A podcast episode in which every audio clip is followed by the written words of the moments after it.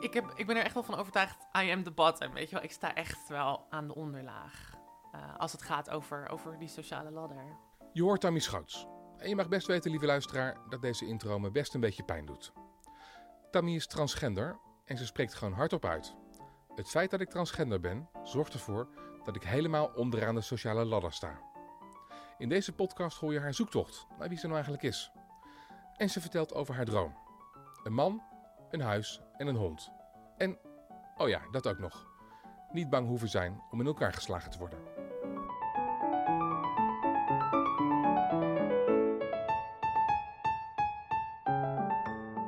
Je luistert naar Podcast Ui. De plek waar we schilverschillend leven afpellen en met de snippers van die ui het hele leven op smaak brengen. Mijn naam is Basti Barancini en in elke aflevering praat ik met iemand die naar de hel ging, maar ook weer terugkwam met prachtige levenslessen. Aan hem of haar stel ik de vraag: welk licht vond jij in het donker?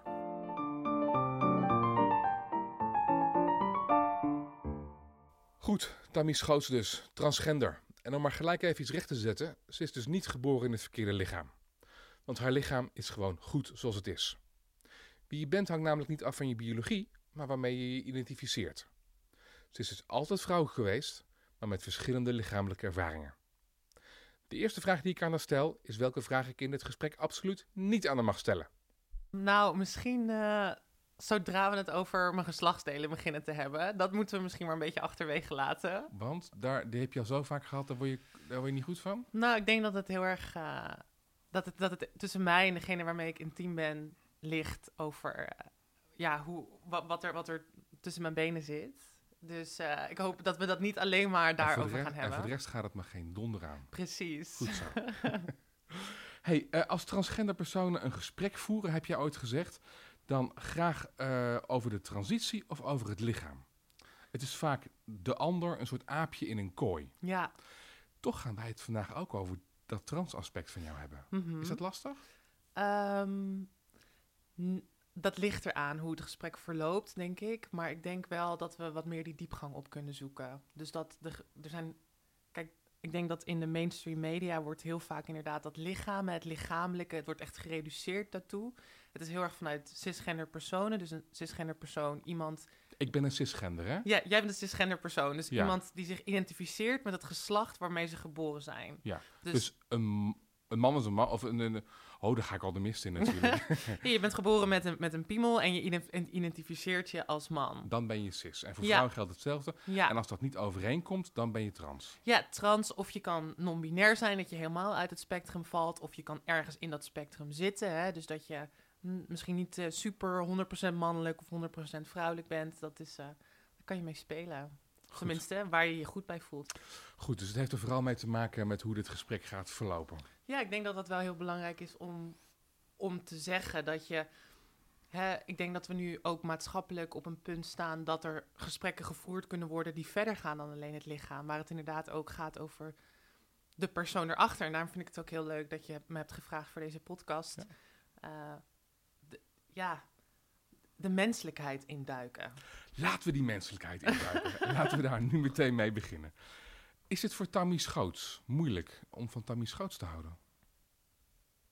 Ja, ik denk het wel. Maar ik vraag me af, het is altijd een, een strijd tussen... En dat is misschien ook wel echt dat, het transgender verhaal. Hè? Het is een strijd tussen mezelf accepteren en hoe ik benaderd word door de wereld. Dus ik kan mezelf nog zo goed accepteren. Maar, ja, als ik in elkaar word geslagen bij de supermarkt, heb ik daar niks aan. Oké, okay, over het tweede aspect komen we dan wellicht later nog te praten als je de deur achter je dicht trekt hier. Mhm. En je bent alleen. Is het moeilijk om van jezelf te houden? Ja, ik vind het soms wel moeilijk. Ik vind het soms wel... Uh... Wat vind je lastig? Ik schaam me heel erg. Ik heb echt een soort... Um... Ja, soms echt wel schaamte voor mezelf. Voor kleine trekjes, de manier hoe ik lach. Uh, ik kan me eigenlijk voor alles wel schamen. En in sommige momenten kan ik dat vergeten. Maar ik, heb ik voel me soms heel zelfbewust. Het raakt je ook meteen. De tranen schieten in je ogen. Ja, die zelfbewustzijn is iets waar ik wel mee vecht. En ik wil dat ook echt wel vechten noemen. Het is, het is een wisselwerking tussen even uit mijn hoofd kunnen komen. En hè, even van het moment genieten. En dan vervolgens naar huis gaan, die deur dicht doen. En oh, wat heb ik nou gezegd? Ik moet me ervoor generen Terwijl de persoon waarmee ik sprak of de mensen waarmee ik was, zijn het dan wel weer vergeten. Maar dat is echt wel iets waar ik heel erg mee vecht. We gaan het vandaag hebben over eh, geslacht en over gender. Mhm. Eh, geslacht gaat over biologie en gender over hoe je je voelt, over, de identi over identiteit, waar we het net al netjes over, over hadden. Kun je vertellen hoe jouw leven is verlopen als het gaat om gender en geslacht? Ja, ik- en ik wil denk ik beginnen met een, een, een voorbeeld wat misschien wel heel tekenend is. Eh, kijk, we reflecteren natuurlijk altijd op onze jeugd en sommige dingen springen eruit met de blik van nu. Maar dat zegt misschien ook wel echt iets. Ehm, ik herinner me bijvoorbeeld nog heel erg goed dat ik eh, in de speelgoedwinkel stond als echt klein eh, meisje. En ik reikte naar een van die Barbies. En de eigenaar, dit, dit was echt zo'n lokale speelgoedwinkel, die kwam naar me toe rennen, schreeuwend: Dat is niet voor jou, jij hoort hier niet. En dat was echt oef. Toen dacht ik van: Er klopt iets niet. Ik identificeer me met die Barbie, hè, die, dat, dat, dat, dat vrouwelijkheid, dat ben ik. Maar ik krijg steeds te horen dat dat niet klopt. En dat is denk ik wel heel erg hoe dat, hoe dat is, eh, stap voor stap is verlopen. Dat, Buitengewoon insensitief, ook van zo'n man. Maar goed, een- ja, het is wel een andere tijd. Het is hè, een andere ook. tijd, ook een speelgoed verkopen. Ja, god, je weet het ook allemaal eh, niet. Ja. Stond dit symbool voor de reactie van de buitenwereld? ja, want dat is denk ik wat er ging gebeuren. Ik ging proberen, ik probeerde me comfortabel te voelen. Ook heel erg mijn eigen legitimiteit proberen te erkennen. Hè. Waar voel ik me prettig bij? Dat is denk ik een van de dingen die best lastig is. En constant een, een negatieve reactie terug. Dus eh, waarom is het raar als ik me bij de meiden wilde omkleden? Weet je, dat was op een gegeven moment echt een ding. eh, toen ik, toen ik eh, op de basisschool zat. Ehm, waarom kijken mensen me zo raar aan? Waarom doen ze alsof ik iets vies ben, alsof ik hier niet hoor? Hè, het, is, het is proberen je comfortabel te voelen in de wereld. Hè, dat ongemak, dat inherente ongemak wat je voelt. eh, Het ongemak zat dus niet in jou, als ik het goed begrijp. Maar in de buitenwereld die dat niet eh, bij jou voelde. Ja, die dat constant wanneer ik op een plek zat van, oh, weet je bijvoorbeeld met die Barbie, ik identificeer me daarmee, ik wil daarmee spelen. Ehm, Op de, op de basisschool, met het omkleden. mhm. In de kleine klassen dan, oké, ja, dan, dan gaat dat. Maar dan word je zo, ik weet niet, 9, 10, 11. Mhm. Dan wordt het anders of raar. Ja, en de school had ook de VU geraadpleegd. Hè. Dus de VU is het ziekenhuis waar transgender personen eh, medische transitie ondergaan. En die zeiden, laat er gewoon apart omkleden. En dat was heel erg tekenend van... En toen kwam er op een gegeven moment ook een gesprek met alle meiden en ik. Wie voelt zich comfortabel om bij mij om te kleden en wie niet? Dus het is heel... Wat er, wat er gebeurde, eigenlijk constant in die stappen... is dat ik me zo... Voel me heel anders. En echt een soort monster van... waarom kijken mensen me aan alsof ik vies ben? Tapt heel erg in op dat idee, hè? Mannen willen seks. En mannen die kijken naar vrouwen. En mannen zijn predators. Ja, maar nog niet op de basisschool, sorry. Nou, wel, dat idee hing er wel. Een soort kleine jongetjes die in de puberteit zitten, die naar meisjes kijken. Dat is wel echt, dat, dat is die connotatie die eronder hing. Ik weet nog dat ik op een gegeven moment, eh, gingen we naar de camping, was ik denk 11, 12. En eh, ik ging met mijn stiefzusje in de tent slapen. En voordat we die tent in gingen, pakte mijn stiefmoeder mijn stiefzusje bij de hand en die zei, jij voelt je hier toch wel prettig bij? Weet je wel, dus dat is wel, dat is constant... Wat is de boodschap die je krijgt constant? Je bent eigenlijk gewoon een man. Hè? Je, bent, je hoort hier niet. We doen je hier een plezier mee dat je bij de, bij de vrouwen mag zijn. Maar eigenlijk zien we je gewoon nog als jongetje. Goed, strikt genomen, was je dat ook? Ehm, ligt aan je definitie daarvan. Wat is jouw definitie? Ik, ik, ben echt een, ik geloof echt in zelfidentificatie. Dat mannelijkheid en vrouwelijkheid, hè, ook in de biologie, zeggen ze van... eh, zo binair is het niet. Je hebt allerlei variaties en het is eerder een soort spectrum. Ehm, en ik denk ook dat we maatschappelijk ideeën hangen aan mannelijkheid en vrouwelijkheid. Dus als het gaat over mijn definitie, ik denk niet dat je geslachtsdeel definieert hoe je je zou moeten gedragen in de wereld. Maar hoe je, hoe je je- jezelf ziet. hoe je jezelf ziet, waar je je comfortabel bij voelt. Hè? Het is heel erg een soort, en dat is denk ik helemaal niet zo gek. Iedereen probeert dingen uit en kijkt waar je je prettig bij voelt. Ik krijg gewoon alleen een hele heftige tegenreactie constant door de maatschappij, waardoor het veel moeilijker wordt voor mij om een plekje te vinden. En die werd steeds groter naarmate je ouder werd. Ja, anders. Anders. Want het voelde wel, denk ik, heel groot. Het feit dat je alleen moet omkleden. Dat voelt zo groot. Vooral als je je identiteit probeert vorm te geven. Hè? Dat je probeert jezelf gereflecteerd te zien in de wereld. Dat gebeurt eigenlijk al best wel vroeg. Wat, ik- wat me daar ook in opvalt in dat voorbeeld, is dat Mhm. wie jij bent, eh, of je een man of een vrouw bent, ook voor een deel gedefinieerd wordt door de goedkeuring van al die andere meiden. Ja, of zie ik dat nou verkeerd? Nou, dat is wel heel interessant wat je zegt. Dat inderdaad, ik ben vrouw bij de gratie, dat ik zo erkend word door anderen. En dat is eigenlijk niet veranderd. En ik merk dat dat, dat mechanisme, hè, hoe ik tot de wereld relateer, dat, dat voert eigenlijk door in mijn leven nu. Dus bijvoorbeeld... Want dat is natuurlijk heel raar, want als ik ben naar jou Mhm. toegekomen in de trein, en of die vrouw tegenover mij in de coupé, eh, ik, ben een, ik ben een man, en of die vrouw dat nou eh, het ermee eens is of niet, dat maakt mij echt helemaal niks uit. Ja, Maar jouw identiteit wordt continu, hangt af van andere mensen. ja, omdat ik niet... Of je geaccepteerd wordt of niet, Ja, als vrouw. Ja, dus om daar een voorbeeld, voorbeeld voor te geven.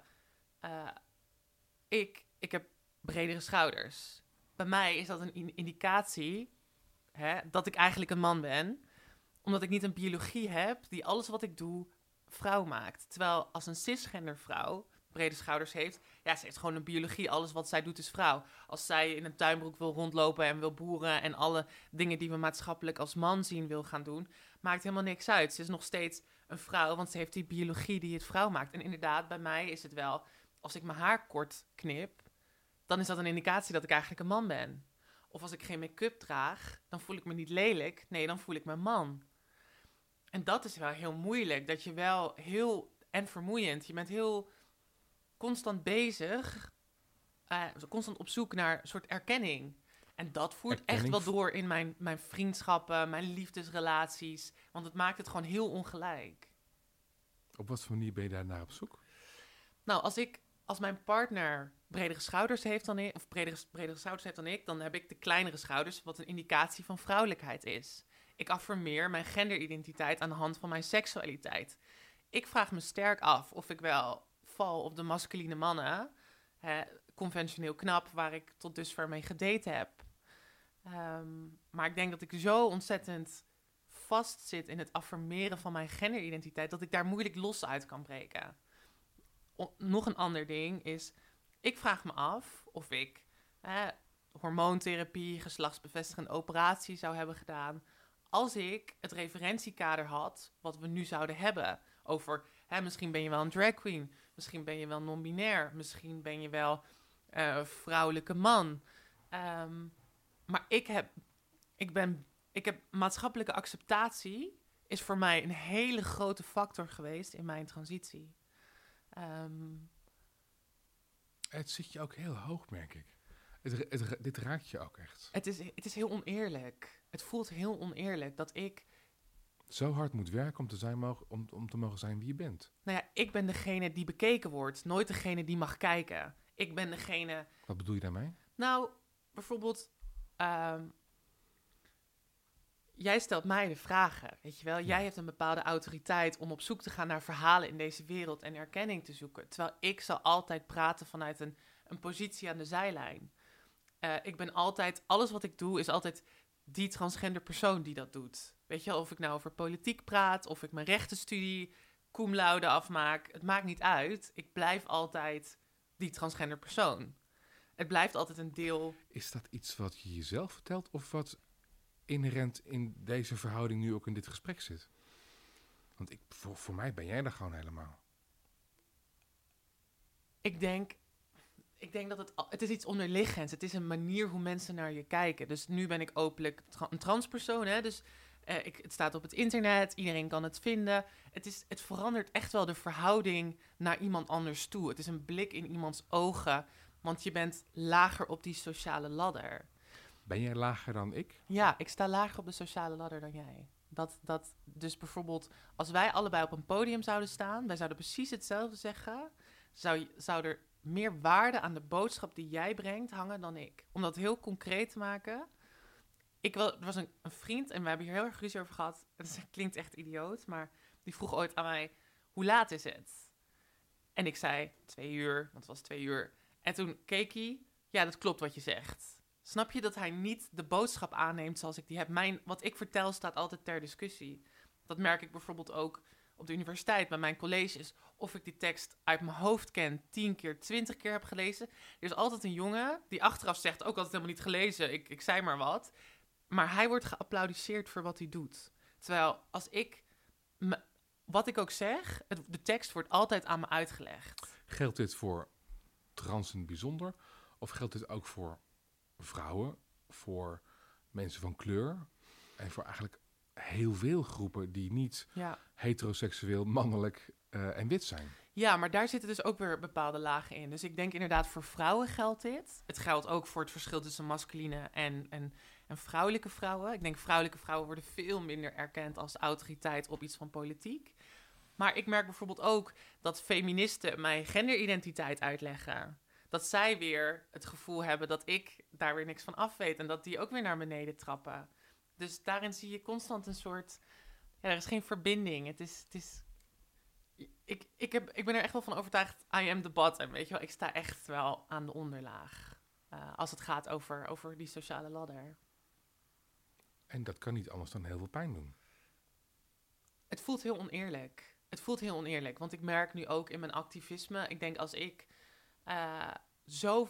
Het, het werk wat ik erin heb gestoken, de kwetsbaarheid... hoeveel denkwerk en moeite het me kost... Ik, ik zie eh, cisgender, heteroseksuele, witte mannen... die de meest grootste onzin op het internet pleuren... en dezelfde kansen krijgen als ik. Terwijl ik de keihard voor werk. En dat is wel frustrerend. Weet je wel, het maakt niet uit hoe hard ik werk. Die kansen blijven altijd minder. Er is nog één ding wat je niet meerekent in, deze, eh, in dit eh, alles en dat is karma.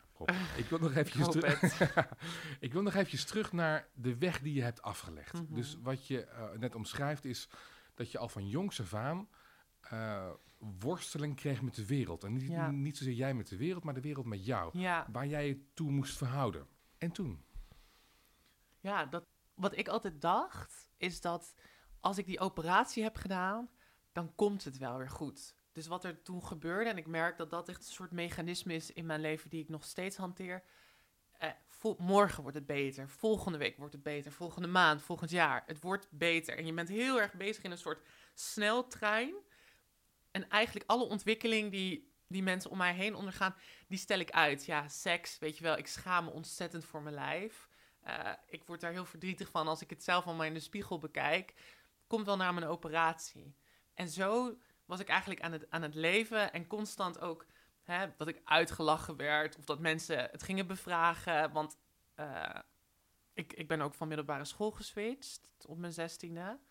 Ehm, en toen was ik, ik was helemaal niet open op mijn tweede middelbare school. Maar ja, op een gegeven moment kwam het natuurlijk uit. Via Hives, nota bene, kwam mijn oude naam naar voren. Ehm, en toen begonnen mensen te roddelen. En toen werd, werd, werd ik weer erg uitgesloten. En ik dacht altijd van ja, als ik die operatie heb gehad, dan gaat dit allemaal voorbij. Ehm, Dus constant ook het leven uitstellen. ik, ja, het leven uitstellen naar morgen, niet in het moment kunnen zijn. Ehm, ook geen toenadering tot anderen zoeken. Heel erg op je eigen eiland leven. Want je gaat op een gegeven moment er ook naar leven, weet je wel. Dus dat was op een gegeven moment een roddel en iedereen keek. Oh, dat is eigenlijk een man, dat is eigenlijk een man. En dat voelde heel erg soort, oké, ik moet gewoon blik op Want je, oneindig. want je zag er wel heel erg uit als een, eh, als een meisje. Ja, ik, ik denk dat ik... Ja, ik was wel heel, heel vrouwelijk. Toen ook al. Dus daar, ik denk dat die verwondering daardoor nog sterker aanwezig was. Dus je was eigenlijk al zo ver in de uiterlijke verschijning... Mhm. eh, dat ze een bericht via Hives nodig hadden om te weten dat je eigenlijk eh, een man was. Ja, maar ik, ik ben eigenlijk niet een man. Ja, ja. dat ik het ongeluk heb gehad om In in, in het verkeerde lichaam... Ja. Nou, het is eigenlijk ook niet het verkeerde lichaam, maar gewoon met het verkeerde geslachtsdeel. Goed, ik ben blij dat ik niet de enige ben die, eh, die soms eh, verward raakt in de woorden. Ja, tuurlijk, maar het is gewoon meer de implicatie verkeerde lichaam alsof mijn lijf een foutje is. En dat is niet zo, want mijn lijf is legitiem, gewoon, maar wel met andere ervaringen. Ik ben gewoon een vrouw en mijn transervaringen zijn ook inherent vrouw. Dus er is niet een voor-na of zo. Het is eigenlijk allemaal een traject van vrouw zijn geweest. En, en daar vecht ik denk ik ook voor in mijn activisme, is de legitimiteit van mijn ervaringen. Dat je ook vrouw kan zijn met een geslachtsbevestigende operatie, met En het ook, pad wat ik en bewandeld ook heb. daarvoor dus. En ook daarvoor. Ik was... Dus je kunt, eh, en de- dit is, het klinkt heel erg emancipator, Haha. eh, dat je ook vrouw kunt zijn terwijl je nog een piemeltje hebt. ja, ja, En dat al die ervaringen bij elkaar ja. allemaal legitiem zijn. En dit Ja. is, is natuurlijk heel erg lastig in een wereld die binair denkt. Ja, maar precies. Het is de wereld die binair denkt. eh, en die zo opgevoed wordt. Maar daar zit natuurlijk ook wel Dus je, heb, de jij, schuifruimte in. Hè? Het is maatschappelijk. heb jij meer last van de wereld of heeft de wereld meer last van jou? Ik heb meer last gehad van de wereld. En inmiddels denk ik dat de wereld verwonderd is van mij. Verwonderd klinkt nog heel positief. Nou, dat, mer dat, dat is denk ik ook wel een van de dingen die ik gemerkt heb. Dat we misschien maatschappelijk... Dat mensen steeds meer beginnen te zien van... Hè, ook cisgender personen die binair zijn van... Wow, mannelijkheid en vrouwelijkheid. Ik heb daar ook mee te maken. En mannelijkheid en vrouwelijkheid, die twee universele thema's... worden natuurlijk heel concreet in mijn lijf... in hoe ik in de wereld sta en hoe Ja. ik me gedraag. Dus ik merk dat mensen... En dat is soms een beetje als een spiegel gebruiken... en dan op zichzelf gaan reflecteren... hey, hoe ervaar ik mannelijkheid en vrouwelijkheid? En daar, daarin begint meer ruimte voor een diepgaander gesprek te komen. In plaats van, oh, was een man, nu een vrouw. eh, hè, alleen maar het lichamelijke, zou ik er seks mee hebben? Eh. nu is het meer van, wow, mannelijkheid, vrouwelijkheid. Wat is dat maatschappelijk? Wat doet dat met mij? Hoe ervaar ik dat? En dat zijn veel interessantere gesprekken. Het is mooi dat je dat zegt. Het doet me meteen... als, je- Ja, nou ja, als jij zegt, hè, van wat doet dat met jou? Nou ja, ik heb... eh, ik ben nooit eh, de meest masculine man geweest. Ik ben altijd sensitief en, en houden van gesprekken. Dat wordt beschouwd als vrouwelijke kenmerken over het Empathisch. algemeen. Empathisch. Dat wordt beschouwd als vrouwelijke kenmerken. ja, Ehm, dus op de middelbare school dacht, nou eigenlijk, dat was het verhaal. Basti is homo. ja, En ik heb daar jaren mee geworsteld. eh, totdat ik toch ook wel zag dat ik echt alleen maar naar vrouwen keek. mhm. Maar dat, er werd ook een beeld op mij geplakt. eh, dus die ervaring, ja, nou ja. Maar dat begrijpen mensen ook vaak niet. Hè? Het transgender verhaal is het verhaal van iedereen. Wat ik doe, Ja. hè? het doorbreken van die binariteit. ja.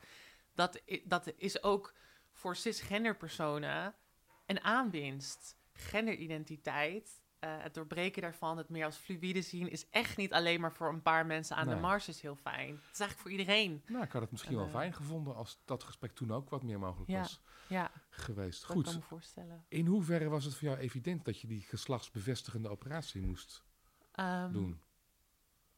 Ja, ik denk dus heel erg, want daar hing heel veel acceptatie ook vanaf. Ja, het was, het was het kunnen vergeten. Dat is denk ik iets wat me op.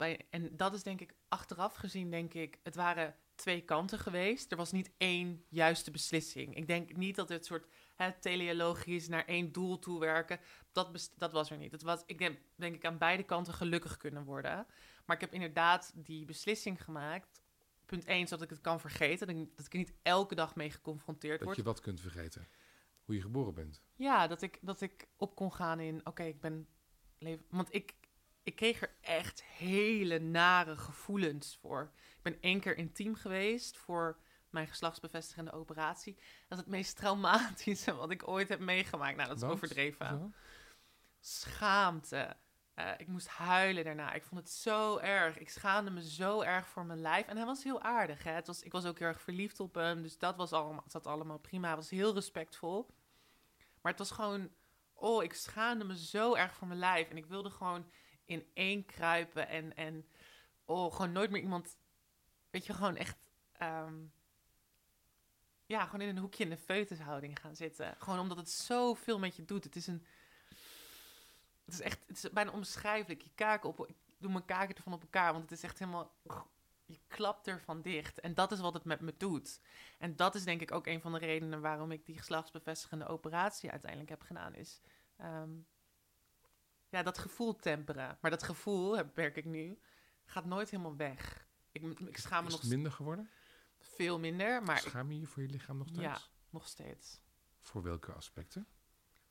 Er, het is dus, dus niet zo concreet. Dus het is voor je meer... brede schouders, voor je wenkbrauwen, voor je, voor je lengte. Je bent vrij lang.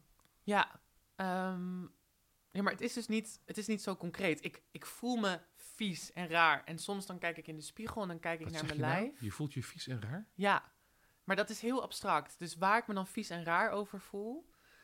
ehm, lichamelijk, hè, nog even niet aan mijn gezicht. Dat is weer een andere kwestie. Dat is, als ik er dan naar kijk, dan denk ik: is dit het nou waar je je zo voor schaamt? Eh, maar het is een, als ik in mijn hoofd zit. Mensen hebben jou ook een monster genoemd.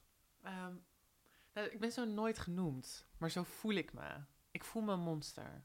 En dat is denk ik echt door hoe ik benaderd ben. Hè, vies, zeg maar, jij bent gevaarlijk, je bent anders. Hè, er is één keer geweest, er is een, was een jongen ooit en die had op een, eh, was in de McDonald's, had op een quarter pounder doosje geschreven, je bent de mooiste vrouw die ik ooit heb gezien, X. Ik heb hem nog steeds, omdat ik word niet door de wereld benaderd alsof ik er mag zijn, alsof ik een mooie vrouw ben, alsof ik, ik ben altijd benaderd, oh, je bent een beetje raar, je bent een beetje vies, je bent een beetje anders. En dat heb ik gewoon heel erg geïnternaliseerd. En nu merk ik dat ik me ook zo gedraag.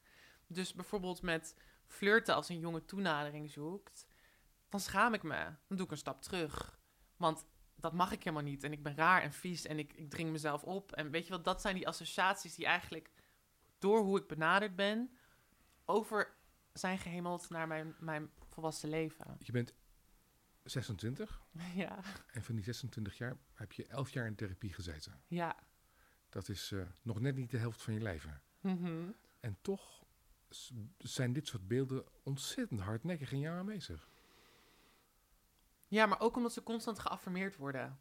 Dus bijvoorbeeld, ehm, als, ik, als iemand het niet begrijpt, dan zijn ze afstandelijk. En dan is er, is er een disconnect tussen mij en hen. En ik, daar loop ik constant tegenaan. Dus bijvoorbeeld, drie jaar geleden was ik heel erg verliefd op iemand. En eh, toen op een gegeven moment zei hij, Tammy, ik vind je gewoon heel erg leuk. Ik wil gewoon serieus, ik wil gewoon serieus worden met je. En toen zei ik, nou ja, ik moet je, ik wil eerst wel gewoon hierover praten, ergens over praten. En Ik moet je iets vertellen. ja, het was, En wat gebeurt er dan? nou, ik vertelde het en hij, hij had eerst zo zijn hand op mijn, op mijn knie. En hij keek me echt, en hij, hij, hij was echt dol op me. Hè? Dus ik, ik praat af en toe heel erg, eh, weet je, heel bevlogen over dingen. Dat vond hij geweldig. Gewoon al mijn fouten, weet je wel. Ik struikelde over mijn eigen voeten, vond hij grappig. Hij vond me gewoon heel erg leuk en ik vond hem ook heel erg leuk. En dat was echt zo van de adoratie in zijn, zijn, zijn ogen. En toen zei ik het en afkeer. En hij, hij schrok en hij trok zijn hand weg. En dat is die, even heel concreet, hoe ik benaderd word wanneer me- mensen weten dat ik een transpersoon ben. Maar ik heb voor mezelf wel besloten, ik ga geen concessies doen aan mijn eigen legitimiteit om anders behandeld te worden door de wereld. En dat is dat gevecht. Het is, ik wil erkenning, ik wil gewoon, ik wil gewoon praten over hè, dat ik pas eh, seksueel actief werd na mijn 21ste, na mijn geslachtsbevestigende operatie. Want dat hoort bij mij, dat hoort, behoort bij hoe ik intimiteit ervaar, in mijn lichaam zit.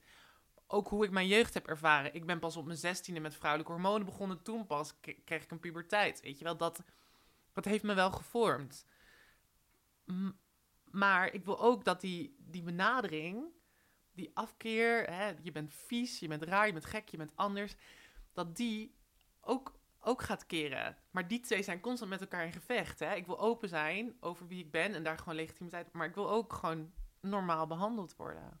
Dat is echt dat, die twee grote ja, tegenpolen lijkt wel.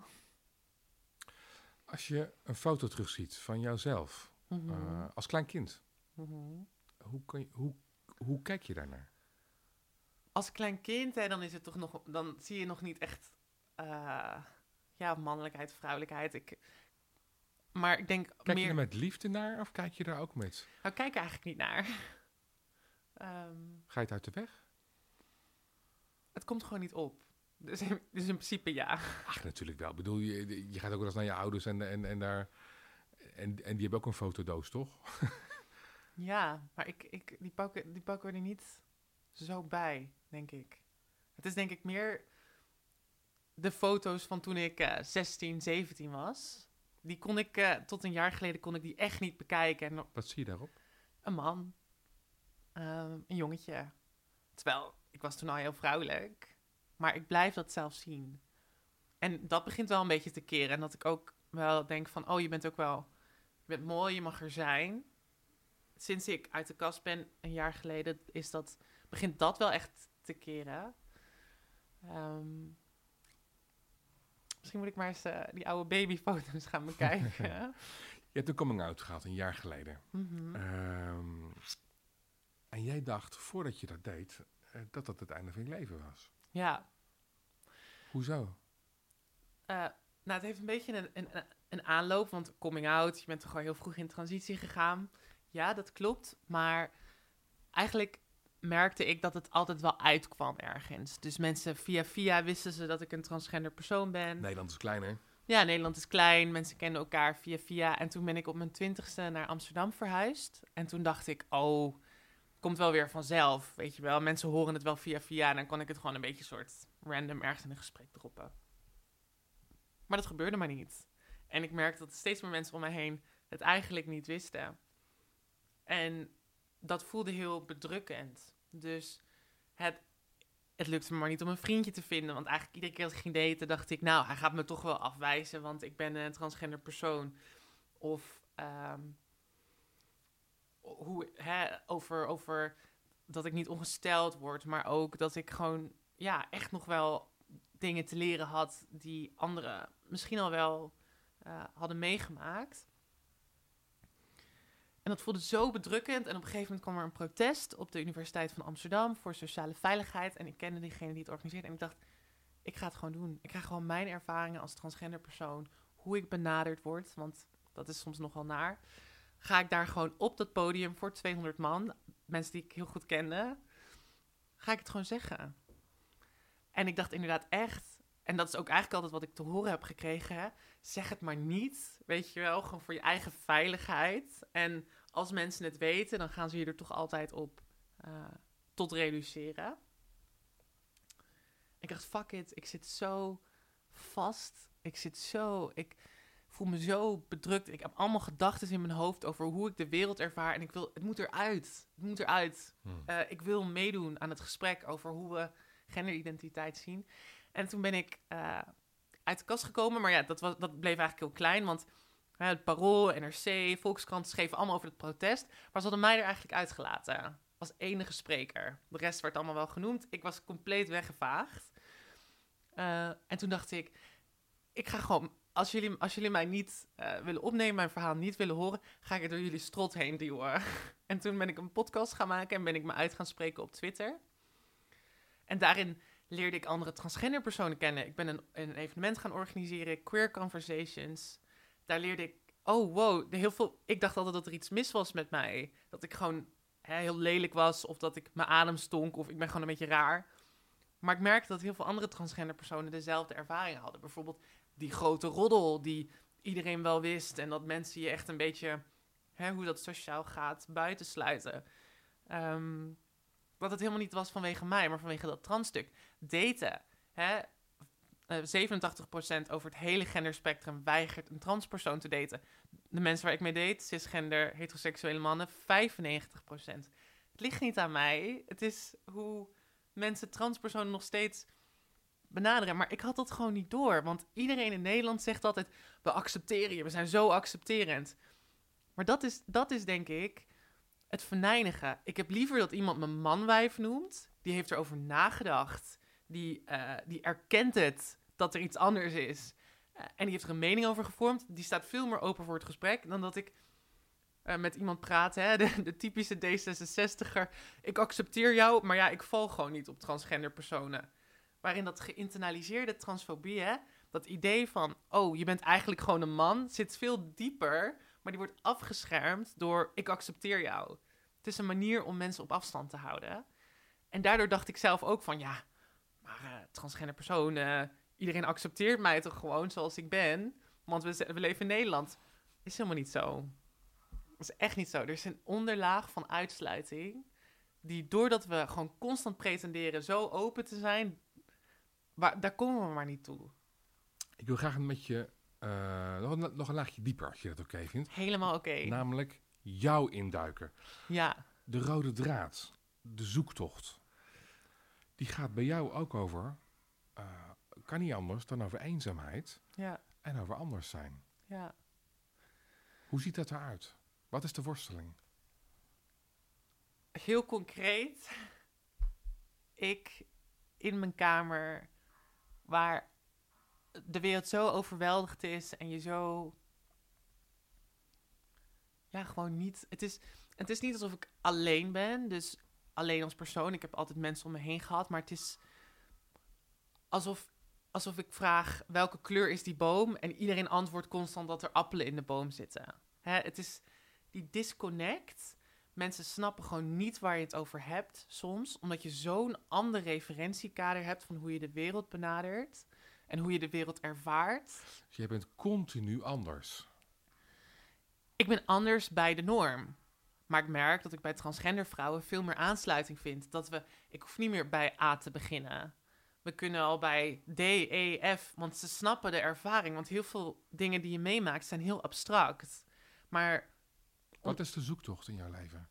Wat is de rode draad? ja, ik wil, ik wil gewoon dat iemand van me houdt. Net zoals iedereen. Ik wil gezien worden. En ehm, erkenning. Dat ik er mag zijn. Zowel weer van buitenaf, maar ook van binnen. Want eigenlijk ben ik gewoon bezig iets goed te maken wat ik nooit heb gehad. Hè? Dat ik zelf de wereld mag ontdekken. Ik heb altijd te horen gekregen: wees blij dat je, dat je er mag zijn, maar wees maar niet te luid. Weet je, iets wat heel veel vrouwen te horen krijgen, maar bij transgender personen is het zelfs onder de vrouwen nog een keer een stukje eh, erger. Wees maar blij dat je er mag zijn, maar maak niet te veel geluid. Dat is het, die eigen legitimiteit vinden. Dat is echt het, het Bestaansrecht. bestaansrecht. Je wil er Ja. gewoon mogen zijn. Ja. En dat er dan van je gehouden wordt. Ja, en dat ik niet, niet in elkaar geslagen word. Dat zou ook wel heel fijn zijn. Want 7 op de 10 maakt nog steeds geweld mee. Weet je wel, dat is best wel een hoog aantal. Ehm, ja, dat ik gewoon in de wereld mag bestaan en openlijk als transpersoon.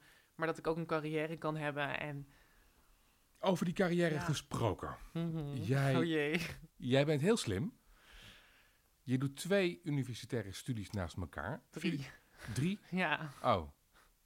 Filosofie. Europese studies en rechten. En wil ik er twee met je uitleggen, want eh, uitlichten. Maar ik wil eerst, mag ik nog iets zeggen Ja? over dat slim? Ja?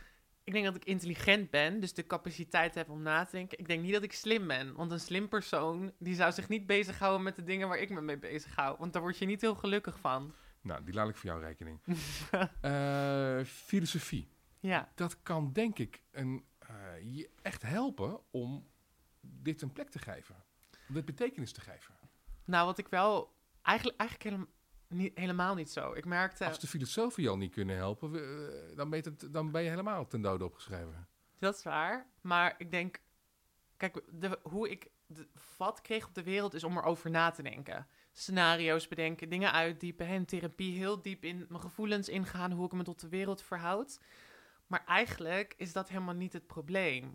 Want je kan nog zoveel nadenken over, hoe, over de wereld, maar je kan het niet met alleen maar denken in een kamertje veranderen. Filosofie gooide jou in een groot zwart gat. Nee, filosofie benadrukte Ja? dat in mijn hoofd blijven zitten. En In plaats van in je, ervaren. in je lichaam en je gevoel. Ja, en, maar, en ik merk dat bijvoorbeeld nu nog steeds, weet je wel. Ik praat heel erg over relaties met transgender personen. Maar iemand die een vriendje zou willen hebben, zou in plaats van constant op internet en in interviews erover praten, zou gaan daten. Nou, ik ben in een paar maanden niet meer op een date geweest, gewoon omdat ik zo bang daarvoor ben om dat in de realiteit te hebben. Terwijl erover praten, het uitdiepen hier, sparren met jou tot een dieper niveau komen, dat is veilig. En dat heeft filosofie heel erg benadrukt. Dat eh metagesprek, hè, het gesprek erover in plaats van de ervaring ervan. Ja. Dus ik ga je ook niet vragen naar de filosofen die je wel geholpen hebben. Nou, er zijn wel dingen, er zijn elementen die het heel inzichtelijk maken hoe ik me tot de wereld Kun verhoud. je er eentje noemen? Heel concreet en praktisch? Ja, Ghassan Hagen heeft een boek geschreven. Nu weet ik even niet meer hoe het boek heet. Ik dacht dat je met Aristoteles op de... Maar Nee, nee, Nee. nee. Nee. Dat, is, dat is heel interessant, maar dat is een beetje de basis. Ehm, die over acceptatie, inderdaad. Mhm. Over wat is de connotatie van acceptatie. wat Dus heb je daarvan geleerd? dat acceptatie eigenlijk helemaal geen acceptatie betekent, maar tolereren. Het bepalen van de condities waarbinnen de ander mag bestaan.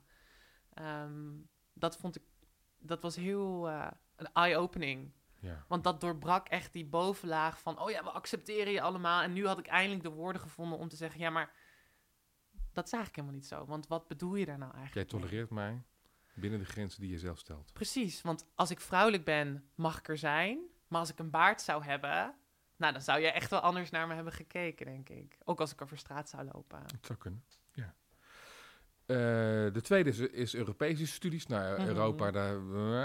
en, en de derde, dat gaat over rechten. Ja, Eh, en eh, toen dacht ik, ja, nou ja, volgens mij hebben we het wel goed geregeld in dit land. Artikel 1 van de grondwet. Allen die zich in Nederland bevinden, worden in gelijke gevallen gelijk behandeld.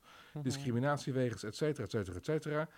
Eh, op welke grond dan ook, is niet toegestaan. Maar artikel 120 van de grondwet zegt dat je, dat zegt is een toetings, toetsingsverbod. Dus wetten in formele zin die de overheid maakt, die worden niet getoetst aan de grondwet. Want Oh, we gaan God. ervan uit. Eh, Dan word ik al meteen weggespeeld nu. ja, wel een beetje. waar, zit het, waar zit het onrecht nog? Eh, dat het gewoon niet te bewijzen is. Wat niet? Discriminatie. Discriminatie, agressie, dat het niet serieus wordt genomen. Hè? Als iemand zegt, eh, de, de betonschaarzaak, hè? dus in Arnhem, dat die twee homo-jongens eh, hun, ta- eentje- hun tanden is eruit geslagen met een betonschaar. In de rechtbank zei een van die jongens, ja, maar ik ben helemaal geen homofoob, maar die homomannen, die maakten seksuele gebaren naar mij. Uiteindelijk zijn ze dus ook niet voor homohaat veroordeeld. En dat ligt heel erg in dat idee van acceptatie. Hè? Ze, die homomannen, door die seksuele eh, gebaren te maken, stapten over de condities die die jongens met die betonstaar stelden, waarbinnen ze geaccepteerd zouden mogen worden.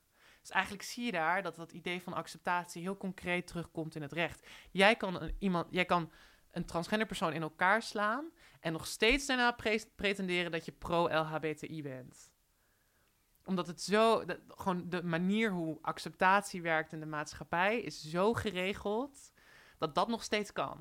Het recht is vaak ook geregeld eh, volgens de, de wensen en de maatstaven van de dominante groep. Ja. Wat zou er veranderd moeten worden in het recht? Heel concreet, als je zegt homo, is het geen grapje, of vieze homo, dat is geen grapje. Dat is gewoon ronduit uitsluiting. Zeg maar, het doet iets met je. Zo heel concreet, als jij iemand een klap geeft omdat je je ongemakkelijk voelt, omdat iemand soort seksuele gebaren naar je maakt, is dat anti-LHBTI-geweld. Eigenlijk gaat het erover dat we moeten ophouden met, eh, we moeten uit die abstractheid naar de concreetheid. Eigenlijk moeten we dat heel concreet opschrijven. Hè? En er is altijd een context die het weer anders maakt. Nee, als je iemand klappen geeft, omdat iemand seksuele opmerkingen naar je maakt, die wordt er ongemakkelijk van, is dat anti-LHBTI-geweld. Het zegt ook iets over het bewustzijn natuurlijk van het collectief, van de grote, van de grote groep. Dat we dit blijkbaar accepteren. Ja, maar dat is toch ook zo? Bijvoorbeeld Calvijn, die heeft nu een eigen televisieshow, Bien en Vara. Heeft echt hele transfobe dingen gezegd. Niemand geeft er wat om. Dat, en dat zag je bijvoorbeeld ook bij MeToo, hè? Dus Laat dat ook weer zien dat jij minder waard bent dan. dat, ja, dat transpersonen in het algemeen minder waard zijn. Dus bijvoorbeeld bij MeToo zag je bijvoorbeeld ook op de set van de Hulu-show Transparent... Jeffrey Tambor had Trace Lissette, dat is een transgender actrice, eh, aangeraakt... Maar hij is niet ontslagen. Hij is pas ontslagen nadat hij opmerkingen kreeg van cisgender vrouwen... die ook zeiden van ja, hij, heeft, hij is seksueel misbruik hebben we met hem meegemaakt. Maar toen transgender vrouwen dat zeiden, toen is er nog niks gebeurd. En dat zie je nu ook. Als iemand iets racistisch zegt, eindigt het je carrière. Als iemand iets transfoob zegt, nou, dan kan je makkelijk nog wel even door. Kijk maar naar de show van Calvijn. Maar goed, dat is wel echt eh, waar we zitten. Ehm, de Golden Boy, hè? De, de jonge jongens, die, eh, die, die maken de deal uit. En die, eh, die mogen zeggen, wat, zeggen en doen wat ze willen. Het maakt allemaal niet uit. En ook wel eens echt wel onjuist bejegend door, door zo'n jongen. En die, die werkt nu op een ministerie, weet je wel. De, maakt helemaal niet uit. Terwijl ik zit natuurlijk daarna met de... Ja, trauma wil ik het niet noemen, maar wel... Wel met Emotionele klap. de me- mentale schade. Ja, Zeker. Terwijl andere jongeren eh, bezig waren met studeren of met buitenspelen nog een paar jaar daarvoor, kreeg jij Mhm. therapie. Of was je in het ziekenhuis bezig met, eh, hè, de met, grote reis. ja, en met, Ja. Je, en met je lichaam daarin ook. De prijs die jij hebt betaald eh, is daarmee hoog. Je hebt dingen niet meegemaakt of dingen pas veel later meegemaakt. Mhm. Heeft dit je ook dingen opgeleverd? Ja, het heeft me. ehm, het heeft me een platform gegeven om na te denken. Dus ik denk dat het feit dat ik zo diep dingen kan uitdiepen, en dat kon ik eigenlijk al, kan ik eigenlijk al een aantal, aantal jaar, is denk ik deels ook omdat ik heel vroeg die vraag moest stellen: wie ben ik? En hoe verhoud ik me tot de wereld? Dus jij leeft in die zin veel dieper dan een heleboel andere mensen. Misschien iets te diep. Als je te diep gaat, verdrink je. En ik denk dat ik al een aantal keer op het randje van de dood heb gestaan. Maar Oh, sorry. niet heel concreet als, hoor. als maar- metafoor of? Nou, beide. Ik heb ook wel eens aan suïcide gedacht. Ik heb wel eens in een raam gezeten dat ik echt dacht van... pff, ik voel me zo eenzaam en zo niet begrepen. Maar ik merk wel echt, en dat is misschien voor alle queer kids die luisteren... het wordt echt beter. Als in, ik merk bijvoorbeeld nu dat wij hier dit gesprek kunnen hebben. Het is toch prachtig dat mijn ervaring... Ik ben er heel dankbaar voor. Ja, ik ben er ook heel dankbaar voor. Dat, dat mijn ervaring op de- dit niveau uitgediept mag worden. En dat ik mee mag helpen aan het openbreken voor de volgende generatie. Dat die zich niet meer zo eenzaam hoeft te voelen. Want hoe ik er nu over praat, heb ik eigenlijk altijd al gedaan. Goed, dat is één. Dus ik vraag jou, wat heeft het je opgeleverd? Waar ben je rijker in geworden? Je zegt van, het heeft me in staat gesteld om, eh, om goed te leren denken. En om dat helemaal uit, Ja. uit te kunnen diepen. Ja, Wat heeft het je nog meer opgeleverd? hoofdpijn. Nee. eh, ehm, ik, ja, dat weet ik eigenlijk niet. Dit is denk ik echt wel het grootste ding wat hieruit is gekomen. Misschien ook wel een, gewoon een verdomd interessante menselijke ervaring. Ja, daar heb je nu Ja, maar je wil niet interessant zijn. En dat is ook, dat is denk ik ook wat ik heb, is wat mensen niet begrijpen. Ik, ik hoef niet een soort transgender supermodel of opiniemaker of whatever te zijn. Ik wil gewoon graag een huis en een kind en een hond en een man die van me houdt.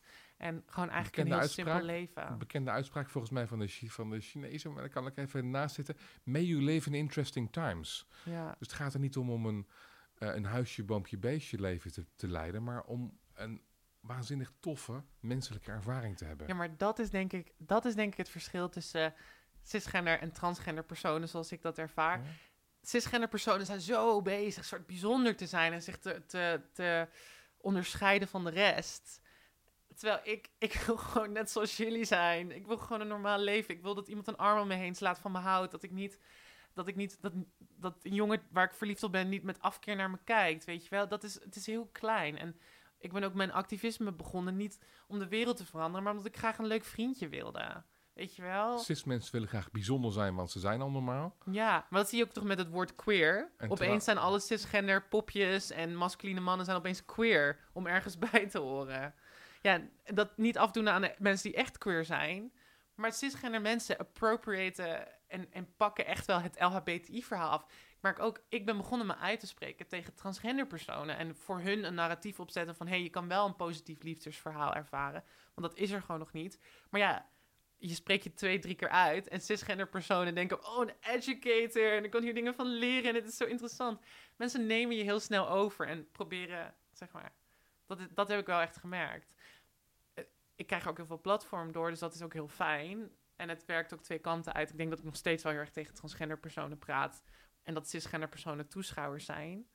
Maar het is wel... Ik, ik, ik ambieer geen bijzonder leven. Ik ambieer een normaal leven. Dat is echt wel... ehm, ja. We begonnen dit gesprek met, of ik begon dit gesprek met de vraag: eh, is het voor jou moeilijk om van jezelf te houden? Daarop zei je ja. We hebben het ook gehad over eenzaamheid, over anders zijn, over, over die hele ingewikkelde reis. Wat ligt er nog voor je? Een huis en een hond en een leuk vriendje. Ik, ja, ik hoop gewoon nog steeds dat, ik, dat er iemand gewoon ook gewoon van mij gaat houden zoals ik dat bij anderen kan zien. Weet je wel, gewoon met al mijn fouten, met mijn transervaringen. Dat ik gewoon heel even adem kan halen en even normaal kan zijn. Ik hoop dat dat voor me ligt. En ik hoop ook, mensen vragen me soms, ja, waar ben je over tien jaar? Ik hoop dat ik over tien jaar niet meer nodig ben. En dat er gewoon transgender personen die misschien minder behapbaar zijn. Hè? Dus ik ben passing, ik kan over straat zonder dat mensen me manwijf noemen. Dat non-binaire transgender personen of biculturele transgender personen, dat er ruimte is in het publieke debat voor hen. Hè? Dat ze openlijk trans kunnen zijn, maar bijvoorbeeld ook econoom of advocaat of... eh, Eerste Kamerlid. Eerste Ja. Kamer, ja, Lise van Ginneke, eerste Tweede Kamerlid, eh, transgender persoon, die transgender persoon is. Dat is heel mooi en ik hoop dat daar wat meer ruimte in krijgt, want het is gewoon echt bar weinig hoeveel transgender personen echt meedoen aan het gesprek versus hoe, hoe erg er over ons gesproken wordt. Heb jij nou voor vandaag veranderingen gebracht? Nou ja, ik vind het mooi inderdaad dat we dit, dit gesprek kunnen voeren. Tammy Schoos, dankjewel. Jij bedankt. Dankjewel.